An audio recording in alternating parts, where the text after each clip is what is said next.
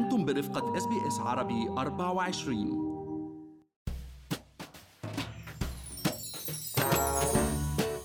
رحلة شراء المنزل الأول بأستراليا رحلة شيقة وأكيد كل شخص بعد ما اشترى بيت بأستراليا بيحلم تيجي الفرصة ليشتريه بس ضروري نعرف تفاصيل هاي الرحلة لنخطط لنهاية مرضية قبل الإقدام على أخذ خطوة من غير حساب.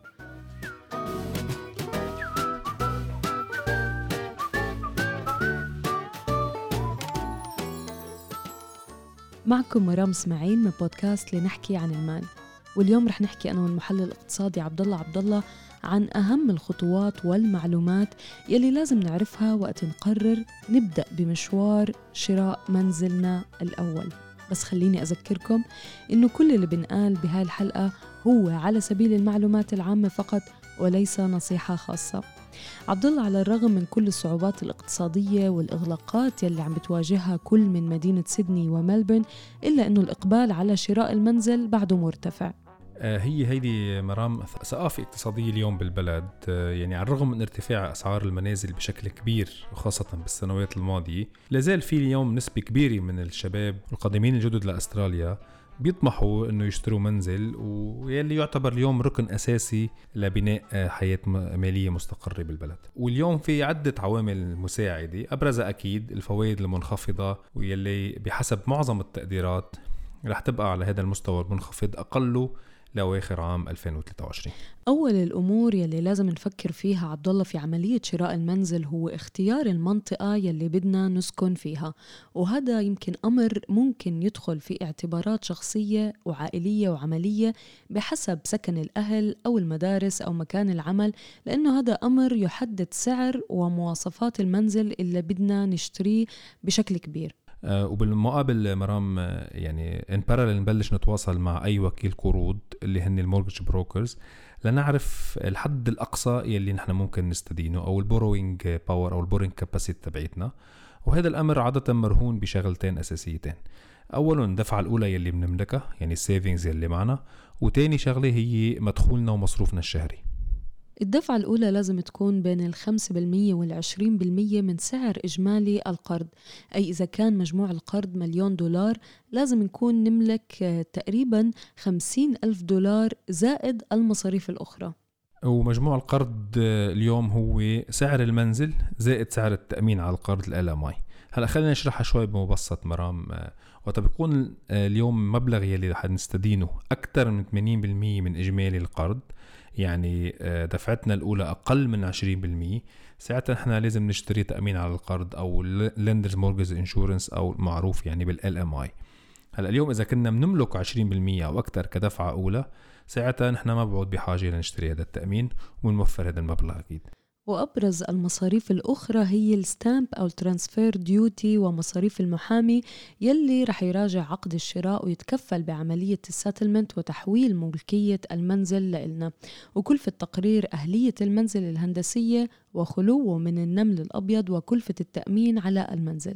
صحيح. هيدي التكاليف كلياتها بالإضافة أكيد لسعر المنزل. كلها اليوم هاي مرام بتدخل بحسابات الدفعة الأولى وبحسابات المورجج إجمالا.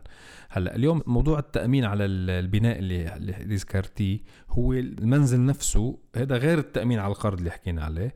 ونحن بإمكاننا اليوم ندفعه يا إما سنويا يعني أول ما بنشتري البيت على على على فترة سنوية كاملة وممكن يكون سعر أرخص يا أما شهريا بحسب الاتفاق بيننا وبين شركة التأمين. وبالعديد من الولايات اليوم في منح وخصومات على ال transfer أو ال stamp duty لمشتري المنزل الأول. فمثلا ولاية نيو ساوث ويلز بنقدر نحصل على خصم كامل للمنازل الجدد بسعر أقل من 800 ألف دولار و650 ألف دولار للمنازل المستعملة. والمنازل الجديدة أيضا مرام آه، بين 800 ألف والمليون دولار آه، بتحصل على خصومات على stamp duty أو transfer duty. والمنازل المستعملة اللي هي سعرها بين 650 ألف و 800 ألف كمان أيضا آه، بنقدر نحصل على خصومات على stamp duty.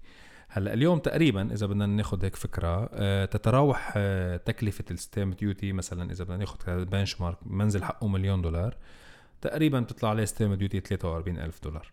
وهذا المبلغ كبير أكيد يعني لهيك اليوم من أحد الأمور الأساسية مرام يلي بيقرر على أساسها آه، العديد من مشتري المنزل الأول قديش سعر المنزل اللي بدهم يشتروه هو إنهم يبقوا تحت سقف الخصومات يلي بتطلع لهم بالولايات آه، للاستفادة من هذه الخاصية يعني.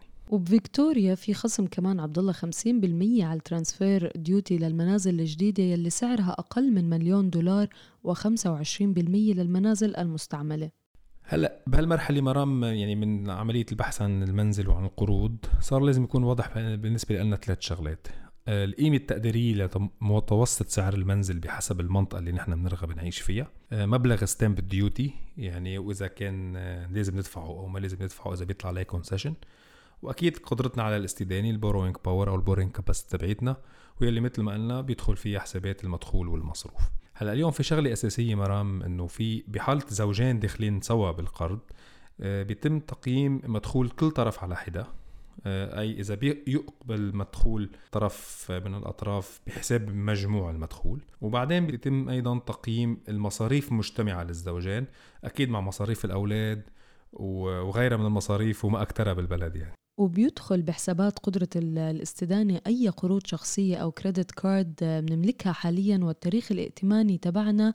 ومثل ما قلنا أكيد يعني كان في عنا حلقات بتحكي عن ال credit card والتاريخ الائتماني وقديش مهم وبيأثر علينا بأستراليا لهيك اليوم لازم نبدأ بالتخطيط لعملية شراء المنزل قبل بوقت ونعمل على تسكير ديوننا قدر المستطاع. وأكيد يعني نحاول نقتصد بمصاريفنا لأنه البنك رح يطلب نسخ عن ال statement لحساباتنا البنكية من حسابات جارية و credit card. ووكيل القرض اليوم أو وكيل القروض ممكن يعطينا جواب تقديري. بحسب كل هالمعطيات آه، عن قدرتنا للاستدانة. وعندها آه، بتبدأ رحلة إيجاد القرض المناسب. وهون نحن لازم نعمل الهوم ورك تبعنا يعني ونشوف عدة عروض. وأهم عاملين ناخذهم بعين الاعتبار آه، بعمليه البحث عن القرض. هو اولا نوع القرض وثانيا نوع سعر الفوائد على القرض. وأكيد أي تكاليف رسوم أخرى ممكن نتكلفها نحن عبر فتح القرض أو تسكير القرض أو غيرها من الرسوم. هلا القروض نوعين يعني الأول هو ال principal and interest وهو إنه نبدأ من اللحظة الأولى بتسديد ثمن أصل القرض والفوائد والنوع الآخر هو ال interest only أي تسديد الفوائد فقط أول خمس سنوات وبعدها البدء بتسديد من أصل القرض. هلا اليوم بما إنه نحن عم نحكي عن مشتري المنزل الأول معظمهم اليوم الأغلبية العظمى أكيد بيشتروا المنزل للسكن فيه يعني بيكون owner occupier وما بيكون بهدف الاستثمار يعني ما بيكون عم يشتروا منزل بهدف تأجيره. عادة المستثمرين مرام آه بيلجأوا لخيار ال interest only لأنه هذا الموضوع بفيدهم بتقليل فاتورتهم الضريبية عبر الاستفادة من المديونية السلبية أو ال negative gearing وبس نقرر على نوع القرض عبد الله يمكن الخطوة الثانية هي نوع الفوائد يعني إن كانت فوائد ثابتة أو متغيرة. اليوم معظم البنوك بتقدم لنا خيار إنه يكون قسم من القرض بفائدة ثابتة وقسم ثاني بفائدة متغيرة. آه، مزبوط مرام. والقروض الفائدة الثابته اليوم تقريبا البنوك عم بيعطوها على فترة آه، سنتين لثلاث سنوات. أي يعني بيثبتوا سعر الفايدة على سنتين أو ثلاثة. آه، واجمالا يعني بهالفترة اللي إحنا فيها حاليا سعر الفايدة الثابته أقل من الفايدة المتغيرة تقريبا بحوالي النص بالمية. ولكن اليوم من إيجابيات قروض الفائدة المتغيرة إنها مرتبطة بشيء آه، اسمه offset account مرام يلي هو بيكون حساب بنكي. نحن ممكن نحط فيه كل مدخراتنا المستقبلية وبيساعدنا على تخفيض كلفة الدين. يعني المبلغ يلي بيكون موجود بال offset account بيخصم من حسابات آه، الفوائد على القرض. أما بالقروض الثابتة يحدد المصرف إجمالي المبلغ أقصى 10,000 دولار سنويا كدفعات إضافية بالقرض. وفي أيضا مبالغ الرسوم المتعددة بالقروض واللي يجب أن ننتبه لها بشكل صحيح.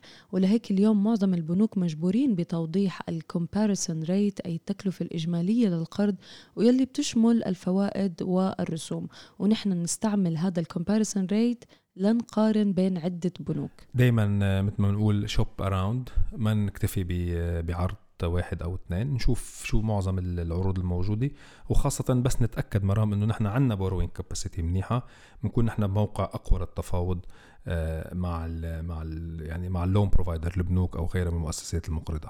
هلأ عند تقديم كل أوراقنا اليوم هذا الشيء اللي بيصير عبر ال mortgage broker بيعطينا البنك موافقة مبدئية ال conditional approval وعلى اساسها نحن آه، بتبدأ رحلتنا الثانية بعملية البحث عن المنزل وهي إنه نشوف المنزل نفسه نلاقيه إن كان عبر الشراء المباشر أو عبر ال auctions اليوم معظم السوق عم بيكون auctions ولهيك اليوم يعني هي مرحلة هي بتخللها العديد من العقبات مرام ولكن نحن ما لازم نستسلم آه، ونثابر البحث عن هذا المنزل تبعنا وإلا ما يجي نهار ونشتري منزل الاحلام وألف مبروك.